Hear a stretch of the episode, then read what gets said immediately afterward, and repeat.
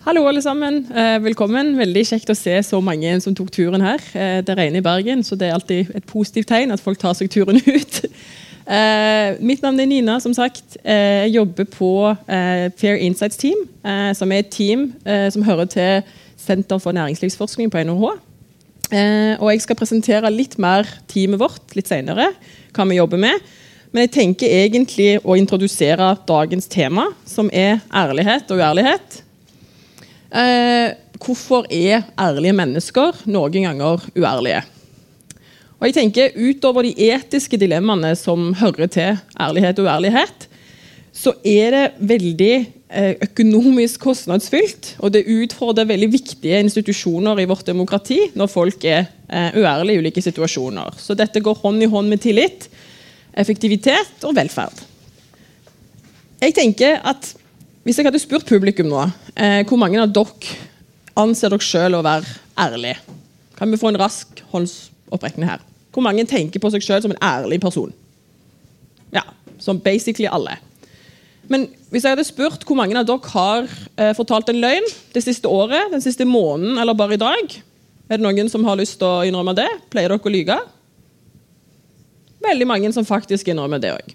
Og Det er dette som egentlig er det typiske fenomenet vi observerer i veldig mange økonomiske eksperiment. Det er dilemmaet mellom altså, Du ønsker å se på deg sjøl som et ærlig menneske, men samtidig så faller man ofte for fristelsene som er knytta til det å være uærlig.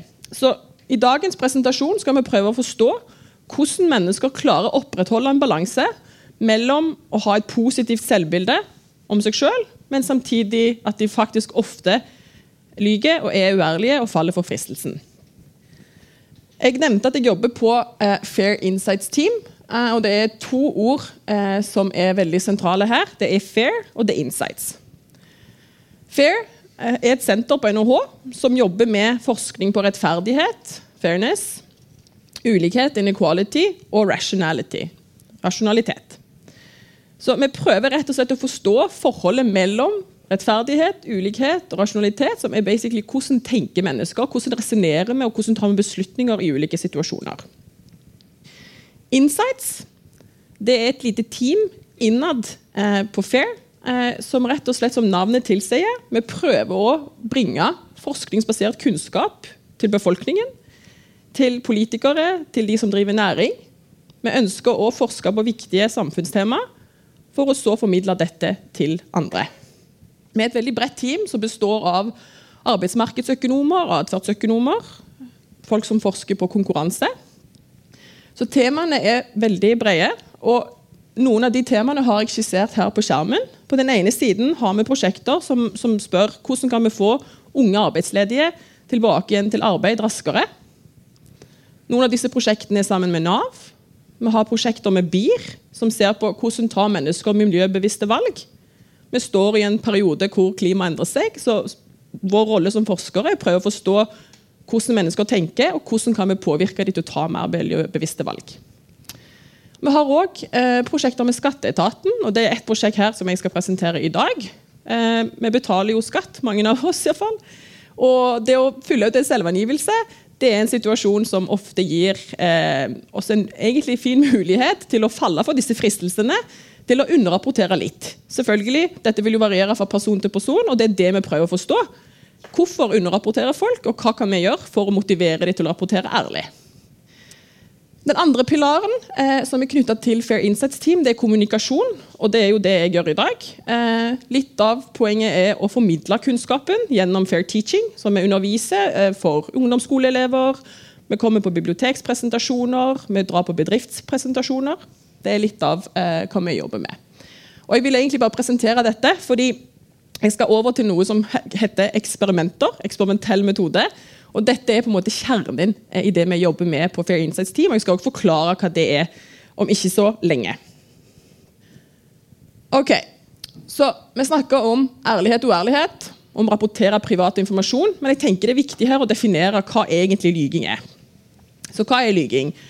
Paradokset i økonomisk litteratur er at det er faktisk ganske mye uenighet over hva egentlig uærlighet og lyging er.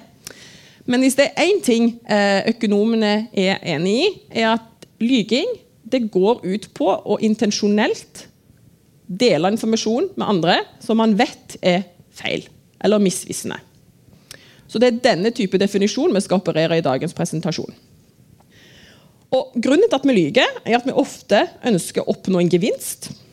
Gevinstene kan ofte være uskyldige til veldig dyre for samfunnet. Men jeg vil starte med de uskyldige konsekvensene. For Personlig så tenker jeg og dette har også forskning vist, at det å lyge kan noen ganger fungere som et fredsbevarende verktøy. I hvert fall i hjemmet, hvis man tenker seg litt om. Hvor mange ganger har man ikke gitt et kompliment til noen om at kjolen din ser helt fantastisk vakker ut? Du ser så fin ut.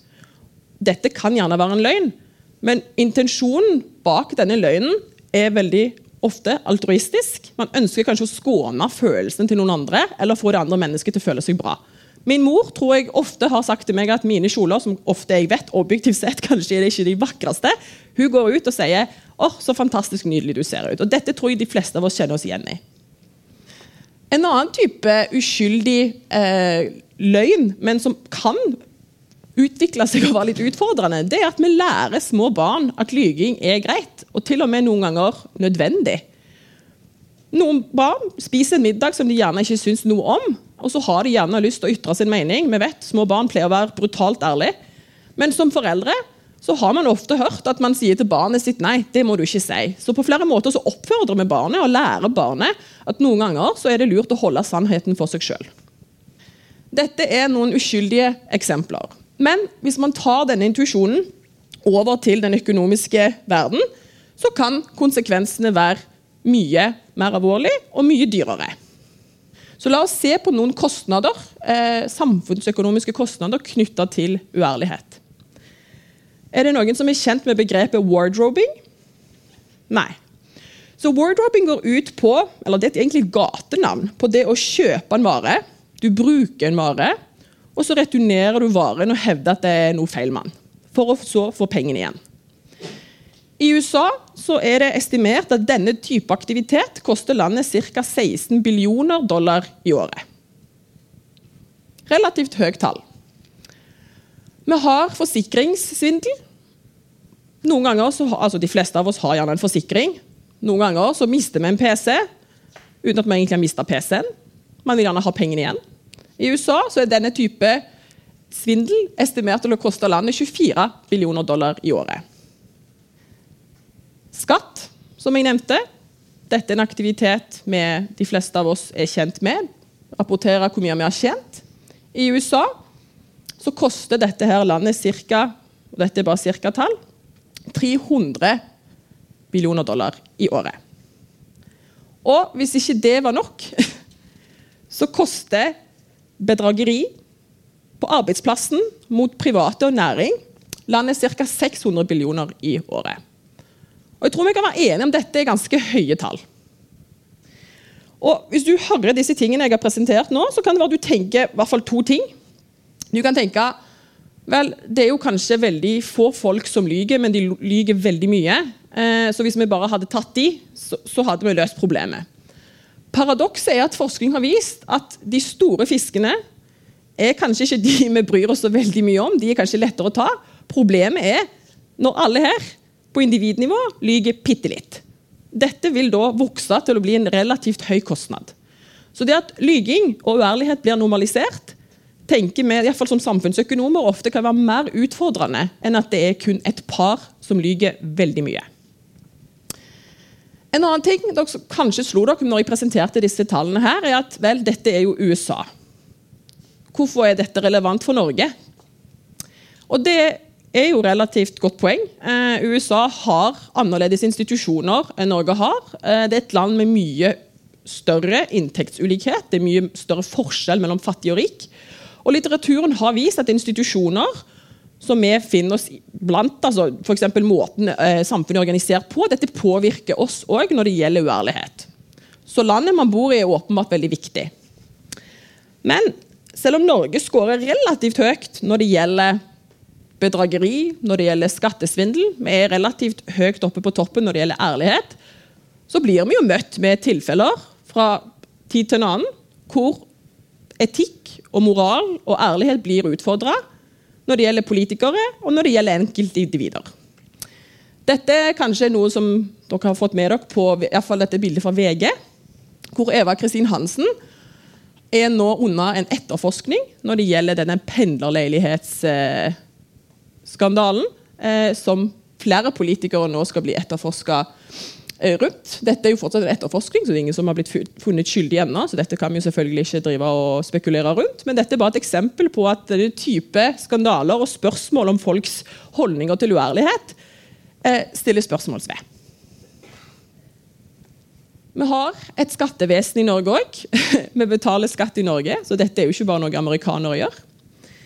Nå ønsker jeg at vi skal fokusere på eh, året 2011, hvor nordmenn har fått selvangivelsen, og de har blitt bedt om å rapportere sine inntekter. Saken er at mange eh, har inntekt i utlandet. Eh, og dette inngår ikke i selve selvangivelsen. Så når man skal fylle den ut, så må skattemyndighetene stole på at enkeltindivider rapporterer ærlig om de har inntekt i utlandet eller ikke. Men de siste årene har det skjedd en god del endringer. Det har vært en utvikling i internasjonalt samarbeid, så nå gjør det, det muliggjør at skattemyndighetene i Norge at de deler informasjon med myndighetene i utlandet. Dette kalles for de som ønsker å vite det, automatiske kontrolloppgaver utland. For de som er veldig interessert i skatt. Men poenget her er at nå har det blitt vanskeligere for nordmenn med inntekt i utlandet om å skjule den eh, på selvangivelsen. Forskere fra NHH, eh, fra FAIR, tenkte dette kunne vært en veldig interessant studie. Så de samarbeida med skatteetaten, som mottok rapporter for ca. 40 000 nordmenn som hadde inntekt i utlandet. Og Det viste seg at ca. 18 000 av disse hadde underrapportert inntekten sin.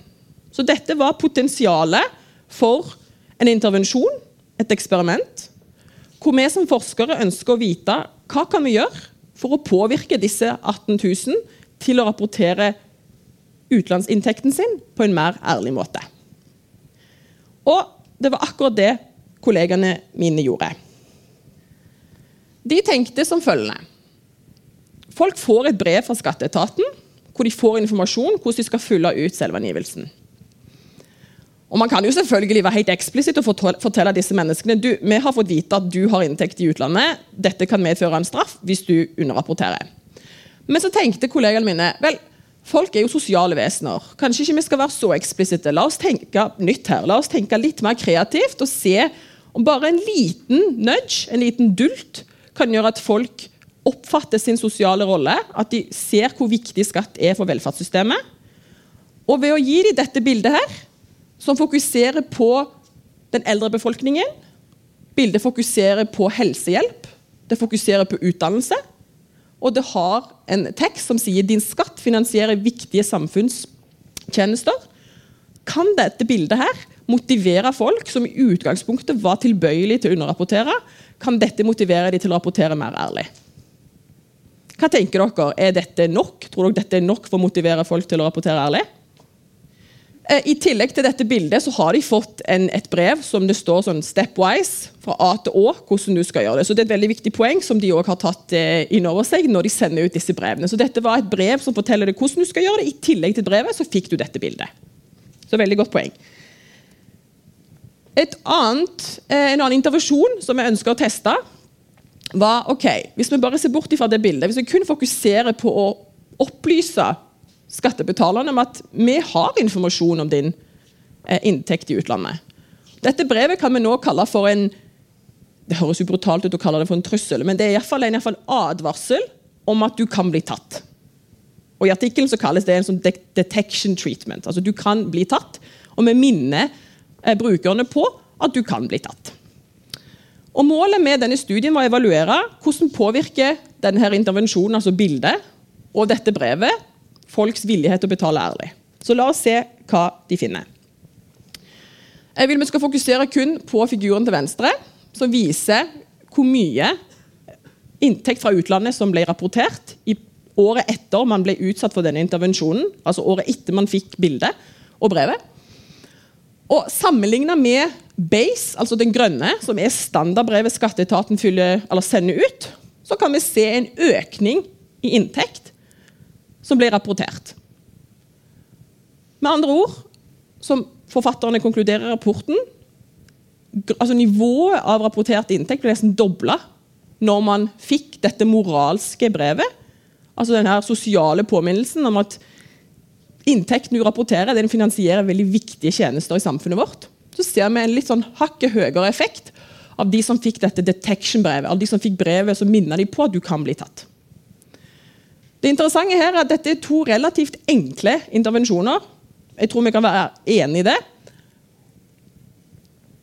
Det koster kanskje ikke staten så mye å designe sånne bilder og sånne påminnelser som kanskje kan ha store effekter på de som allerede er tilbøyelige til å ta snarveier. Ok, så jeg tenker Det er tre grunner til at jeg brukte skatteetatens eh, prosjekt som et eksempel nå. Det første er at jeg har lyst til å illustrere at noen grupper som faller for fristelsen for å være uærlig, dette kan true kjerneverdier som er avhengig av i samfunnet for å kunne tilby gode velferdstjenester. Dette er inntekten til staten for å kunne finansiere viktige tjenester. Så det at folk faktisk har lyst, og ofte gjør, sånne ting, at de underrapporterer, det kan ha store konsekvenser. En annen grunn til at jeg hadde lyst å illustrere dette eksempelet, at det viser at vi er sosiale vesener. Så du kan tenke deg at straff fungerer og får folk til å betale bøter for ting de gjør, sender de til fengsel, åpenbart har preventive effekter.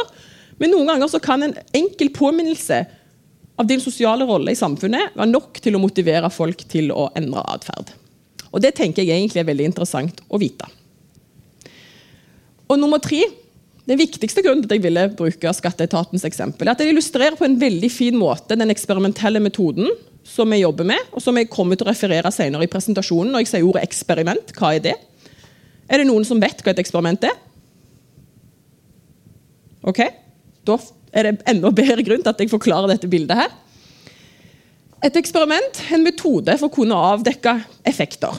Jeg kan jo observere hvordan folk rapporterer skatt ved å bare se på dem, men vi vet jo at verden er støyete. Det er mye som skjer parallelt. Og Det er veldig vanskelig for meg å vite og avdekke folks motivasjon og folks atferd i ulike situasjoner. Så hva gjør jeg? Jo, vi designer et eksperiment.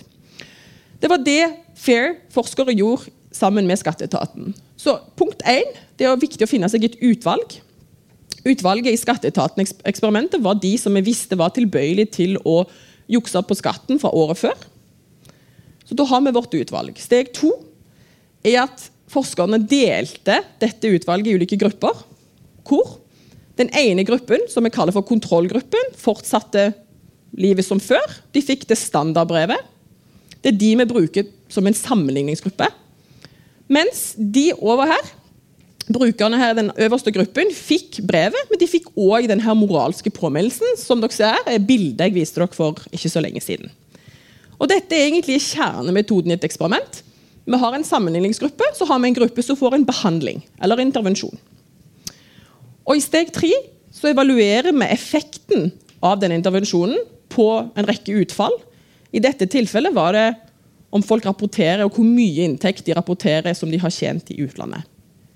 Så nå når vi har forstått at okay, folk lyver, de lyver i USA, de lyver i Norge Vi har forstått litt hvordan den eksperimentelle metoden fungerer. Så kan vi prøve å spørre neste spørsmål. Ok, Hvordan kan forskning hjelpe oss til å forstå at folk er uærlige. Hva motiverer folk? Hva er det de tenker på når de skal fylle ut denne selvangivelsen? Hva, hva ting går gjennom hodene deres? Hva kan forklare atferden? Og Typisk så opererer økonomer eh, med en rekke ulike teorier. Standardteorien er den jeg her velger å kalle for ekons. Det at Vi ser på mennesket som en rasjonell aktør. Du er en kalkulerende person du er god til å ta inn over deg informasjon du har tilgjengelig, og du er flink til å foreta en såkalt kost-nytte-analyse. Og Hva betyr det? Jo, Når du fyller ut selvangivelsen din, så tenker du hvor mye penger kan jeg vinne på å faktisk underrapportere. Det er steg én. Steg to du vurderer sannsynligheten for å bli tatt. Og steg tre du tenker hvor mye straff kunne jeg fått hvis jeg blir tatt. Og Hvis vi nå kun fokuserer på ekonsteorien, så vil du gjerne velge å underrapportere hvis du ser at nytten din er høyere enn kostnaden. Omvendt så vil du kanskje trekke deg tilbake og tenke jeg tør ikke gjøre dette her, hvis kostnaden er høyere enn nytten. Jeg håper mange av dere tenker at dette er jo en altfor enkel måte å tenke på mennesker på. Vi er jo mer komplekse enn som så. Vi bryr oss jo mer enn kostnad og nytte. Som jeg nevnte, Vi er sosiale vesener. Vi bryr oss om hvordan andre ser på oss. Vi bryr oss hvordan vi sjøl ser på oss sjøl. Og det er her psykologene kommer inn og beriker vil jeg si, eh, økonomien. Nå har vi et fagfelt som heter atferdsøkonomi, som er la oss kalle en mutasjon mellom eh, psykologi og økonomi. Her tar vi inn over oss som forskere at folk bryr seg om sosiale normer. Vi bryr oss om hva andre mener er greit. Vi bryr oss om hva andre faktisk gjør. Og vi bruker disse normene og atferdsreglene som en sånn indre moralt kompass når vi skal handle på ulike måter. Så nå er det ikke lenger sånn at du rapporterer skatten din og tenker ja, ja, hva er kostnad versus nytte? Du tenker ja, men hva, hva, gjør egentlig de andre i mitt samfunn? Tror jeg andre jukser på skatten? Altså, hvordan vil de se på meg hvis dette kommer ut? Altså, vi har, Man bryr seg om mer enn bare pengene, basically. Ok, så Vi vet at vi ikke er så enkle som man skulle trodd. Vi bryr oss om det sosiale. Og vi ønsker gjerne å opprettholde en balanse mellom fristelsen til å noen ganger lyge, og ønsket om å se på oss sjøl som all righte mennesker. Vi har en utrolig unik evne til å utvikle verktøy som mennesker til å opprettholde denne balansen. Vi har utvikla verktøy kognitivt som muliggjør at vi lyver, samtidig som vi ser på oss sjøl som ærlige personer. Og dere er et bevis på det. Dere rakk opp hånda, Nesten alle rakk opp hånda om at de anså seg sjøl som å være veldig ærlige mennesker. Samtidig innrømte dere at dere løy fra tid til annen. Så det går an å være begge deler. Men det koster oss. Det koster oss samvittighet, og vi må jobbe med det. For det er ikke alltid like lett å være en person som ser seg selv i speilet og tenker jeg, jeg er en good guy, og en person som samtidig lyver. Så hva gjør vi? Hvordan kan vi opprettholde denne balansen? Her har psykologer sammen med atferdsøkonomer forska og funnet ut av at det fins i hvert fall to måter vi kan rasjonalisere lyging.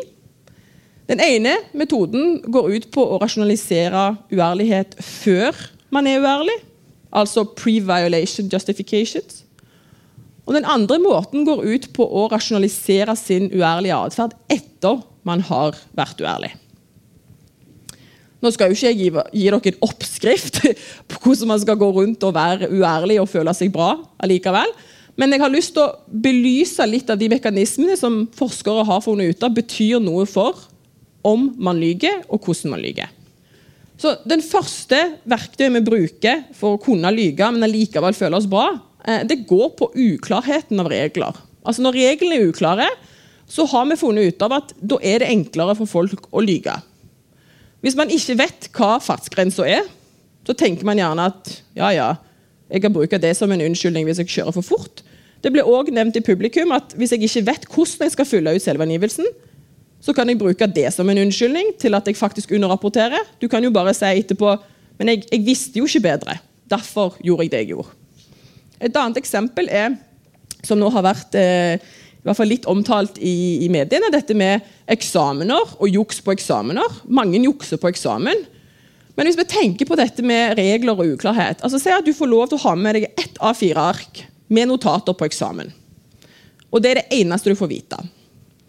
Noen av dere hadde kanskje gått for malen og brukt skriftstørrelse 12 og fulgt ut den siden med notater. Men det er vel nok sikkert noen som hadde gått for skriftstørrelse 5 for å plotte på enda mer innhold på det ene A4-arket. Har man da løyet? Eller kan man bare si at vel, jeg fikk jo ikke beskjed om hva skriftstørrelse jeg skal bruke, så jeg har jo egentlig ikke juksa. Jeg har fått med meg mer informasjon til eksamen min. Men jeg har heller ikke følt meg til normen, som ofte er skriftstørrelse 12, ett ark. Og Denne type ting har blitt forska på og diskutert i litteraturen. og Det viser seg at dess mer uklare reglene er, dess mer kan vi bruke dette til å rasjonalisere vår uærlige atferd. En annen ting er knytta til more licensing. Og Dette synes jeg er et utrolig interessant fenomen. for Det viser at hvis folk er veldig allrighte, i én dimensjon eh, i livet, så kan de bruke det som en årsak til å være litt mindre greie på en annen måte. Så La oss se på et eksempel. Du jobber overtid hele veien. Du betaler skatten din som du skal. Du har ikke vært syk på kjempelenge, og du føler du har gjort det. Du sykler til jobb, spiser mindre kjøtt. Du føler deg som et godt menneske. Denne type atferd kan gjøre at du, når du skal for betale skatt, tenker vel, jeg har jo ikke vært sykemeldt noen gang. Altså, Kanskje jeg bare jeg føler jeg fortjener å få noe igjen for denne her gode atferden min eh, når jeg skal betale skatt. Eller du flyr mindre, for du skal spare miljøet for eh, forurensning. Men når du kommer hjem, så driver du og shopper deg i hjel, for du tenker at ja, ja, jeg har jo faktisk ikke Jeg kunne ta flyet til Oslo og gjorde ikke det. Derfor kan jeg nå shoppe med god samvittighet. Så vi driver og kompenserer for å føle oss bedre. Til slutt self-serving altruism. og denne her tror jeg de fleste av oss kan kanskje kjenne oss igjen i. Du lyger ikke kun for deg sjøl, du lyger for noen andre. Så gevinsten av å lyge den går ikke i lomma di, det går kanskje til familien din. Du lyger kanskje på vegne av bedriften. Du tenker bedriften min vil få det bedre hvis jeg foretar denne uærlige handlingen. Så vi driver og motiverer og rasjonaliserer uærlig atferd. For vi tenker at det er jo egentlig en bra sak fordi jeg hjelper andre. Og dette kan gjøre, gjøre det enklere for meg å opprettholde dette gode selvbildet med det å faktisk lyge. Da fortsetter jeg på det å rasjonalisere eh, løgner etter de har funnet sted. Jeg tror, Når jeg tenker på uærlighet, så har jeg i hvert fall hørt at veldig mange kusinene mine sier at ja, det er jo bedre om å spørre om tilgivelse enn tillatelse. Og akkurat den tror jeg kanskje mange kjenner seg igjen i. Mange ganger så vet man at man ikke bør gjøre noe, men du tenker at jeg kan jo bare i verste fall si sorry. Og Dette er en mekanisme som gjør det enklere for oss å være uærlig, for vi vet at vi i etterkant kan bare spørre om tilgivelse. Det gjør jo ikke at løgnen blir mindre, men det gjør at vi klarer å opprettholde denne balansen mellom selvbildet og det å være uærlig. Til slutt så har vi distancing. Og hva betyr det? Distancing går ut på som navnet tilsier, at du distanserer deg fra den uærlige handlingen ved å si at jo, men andre gjør det. F.eks. i bedrifter så kan ansatte si at det jeg gjorde, det var kanskje feil, men jeg har gjerne blitt oppfordra av min overordna eller andre folk som man anser å være rollemodeller. Man kan si at de gjorde det. Jeg er ikke alene om å foreta denne type handling.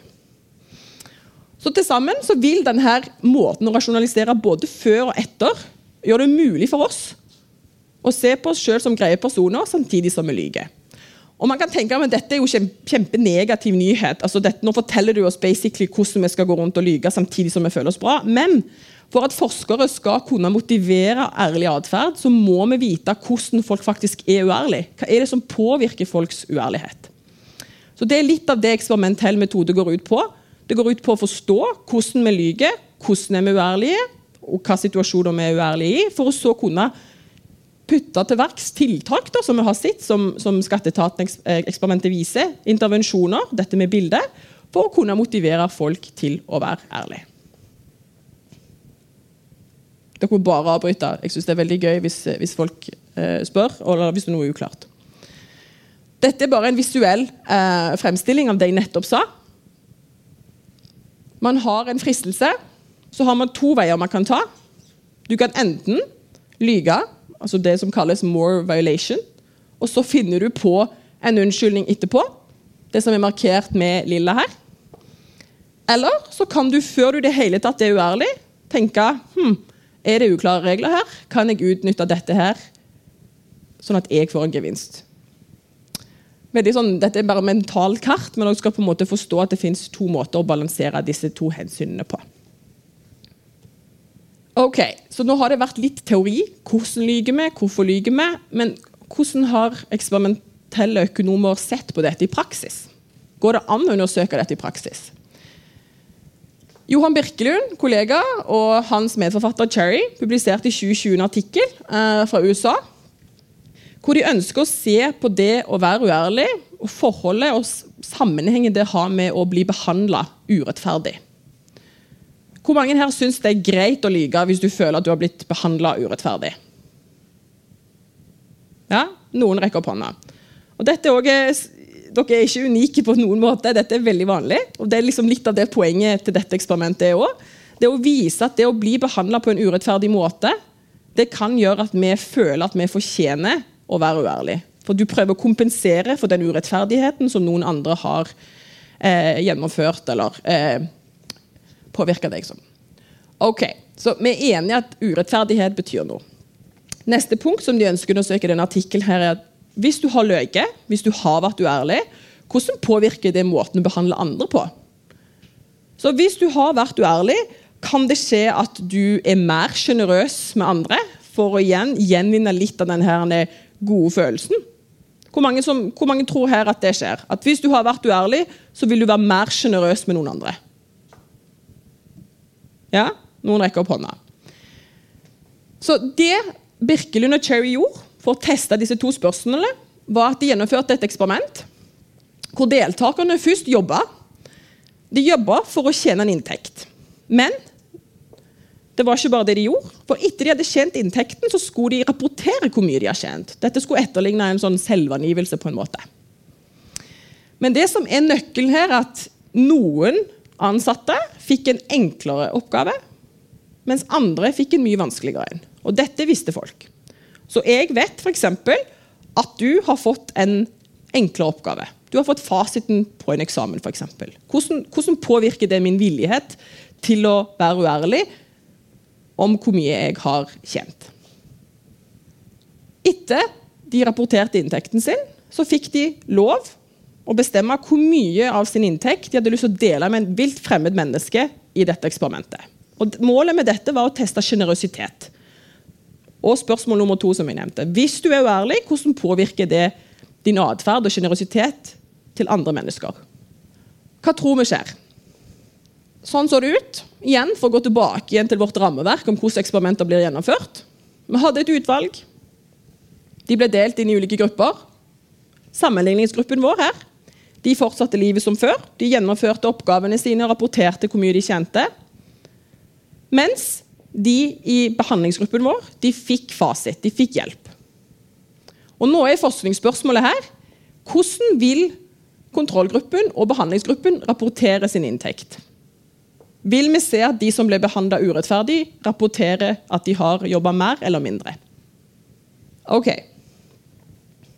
I tråd med forventningene og i tråd med teoriene vi har sett på i dag, eh, så viser det seg at de som ble behandla urettferdig, de rapporterte at de hadde tjent mer enn de som eh, var i den rettferdige treatmenten eller behandlingen.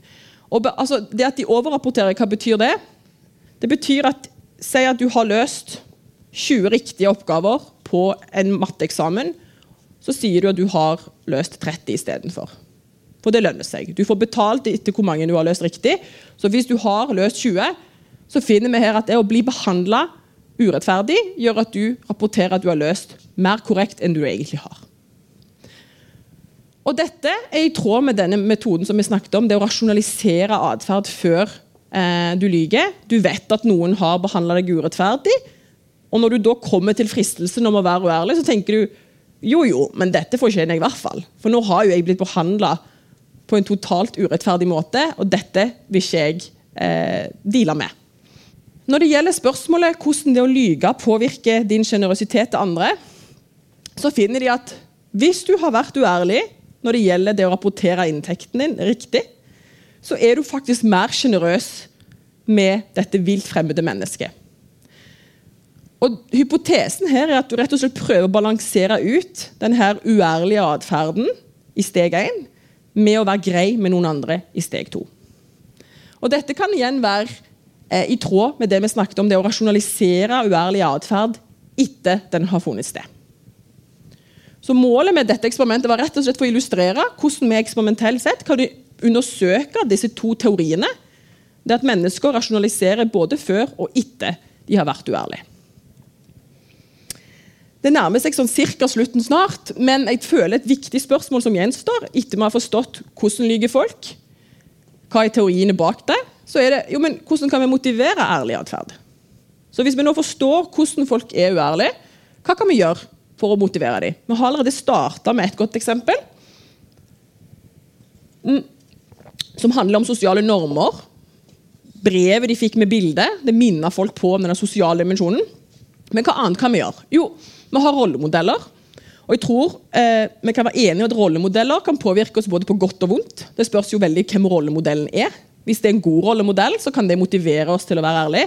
Hvis det er en dårlig rollemodell som driver med uærlig atferd, så kan vi bruke det igjen til å rasjonalisere vår egen uærlige atferd. Men et siste eksperiment vi skal gå gjennom i dag, er et som er gjennomført av eh, tre av mine kolleger. Hallgeir Sjåstad, Kjetil Bjorvatn og Mathias Ekstrøm. De gjorde et eksperiment med 1600 nordmenn i fjor.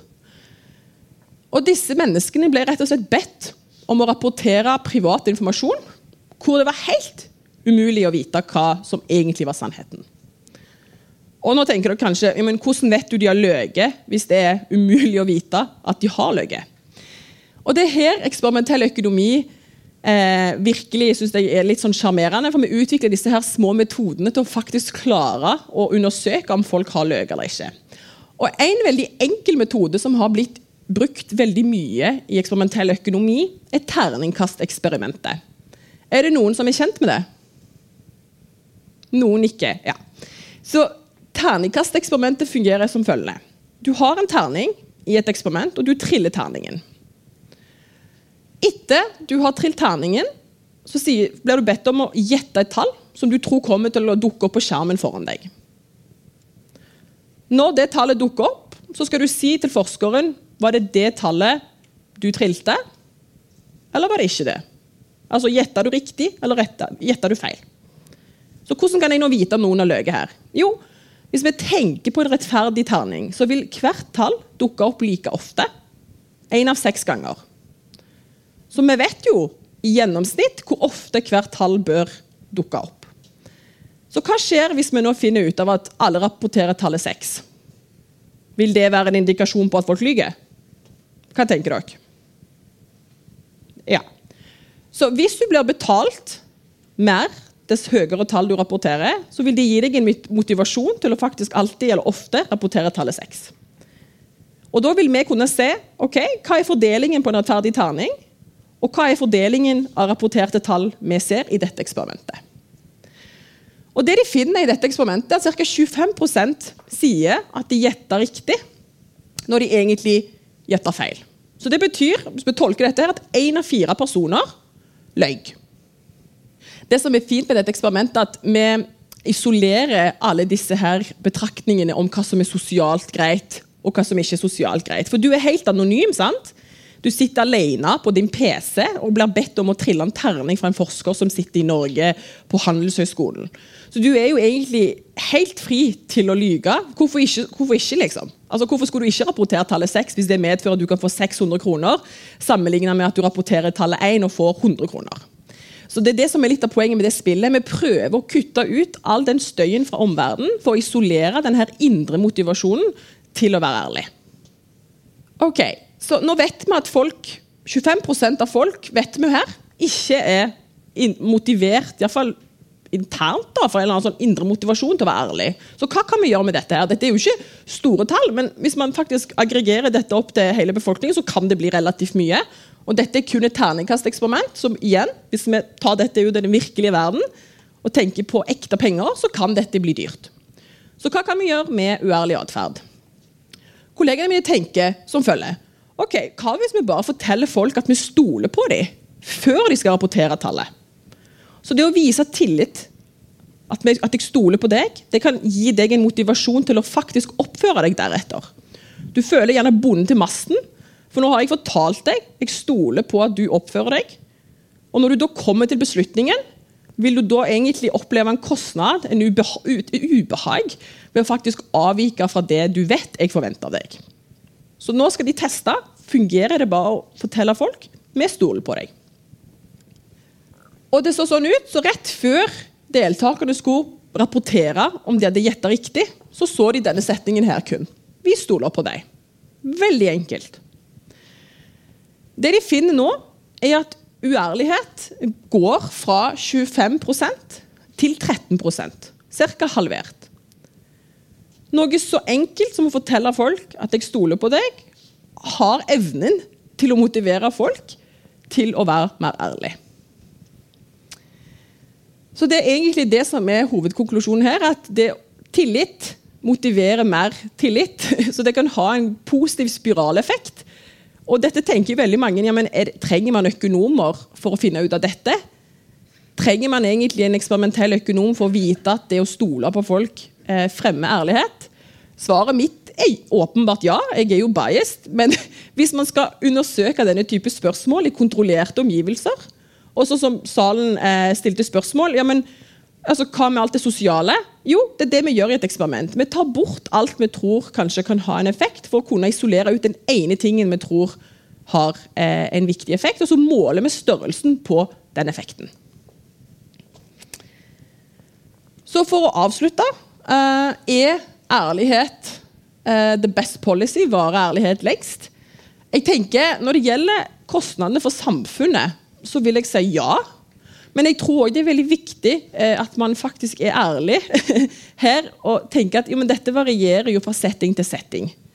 Vi starta jo presentasjonen med disse her situasjonene hvor du, ja, du forteller en venninne at hun ser fantastisk fin ut i kjolen. Du forteller kiden din at nei, ikke vær så ærlig og fortell kokken at middagen smaker kjipt. Men vi vet òg at disse her enkle, hvite løgnene ofte kan være veldig kostnadsfylte hvis de blir eh, observert i den økonomiske verden. Noe annet som eh, Forskningsfronten nå fokuserer på, er å undersøke disse her landsforskjellene eh, når det gjelder uærlighet. Noen land vet vi jo er mer uærlige enn andre. Og Her er nøkkelen å prøve å forstå hvorfor. Altså, I Norge så tenker vi at vi er i likevekt, vi er i en enighet om at det å være ærlig det er fint og det er viktig for å få samfunnet til å gå rundt. Men i andre land, hvor f.eks. bestikkelser er veldig normalisert, der fungerer samfunnet nettopp fordi det er blitt en norm at bestikkelser er the way to go. Så Da er litt av jobben til forskere å prøve å forstå hva er det som gjør at ulike land utvikler seg på så ulike måter. Hva er det som gjør at ærlighetsnormen står veldig sterkt i noen samfunn, mens den er litt mer svak i andre. Ok, så Med det så vil jeg avslutte og takke dere for at eh, dere kom på presentasjonen i dag.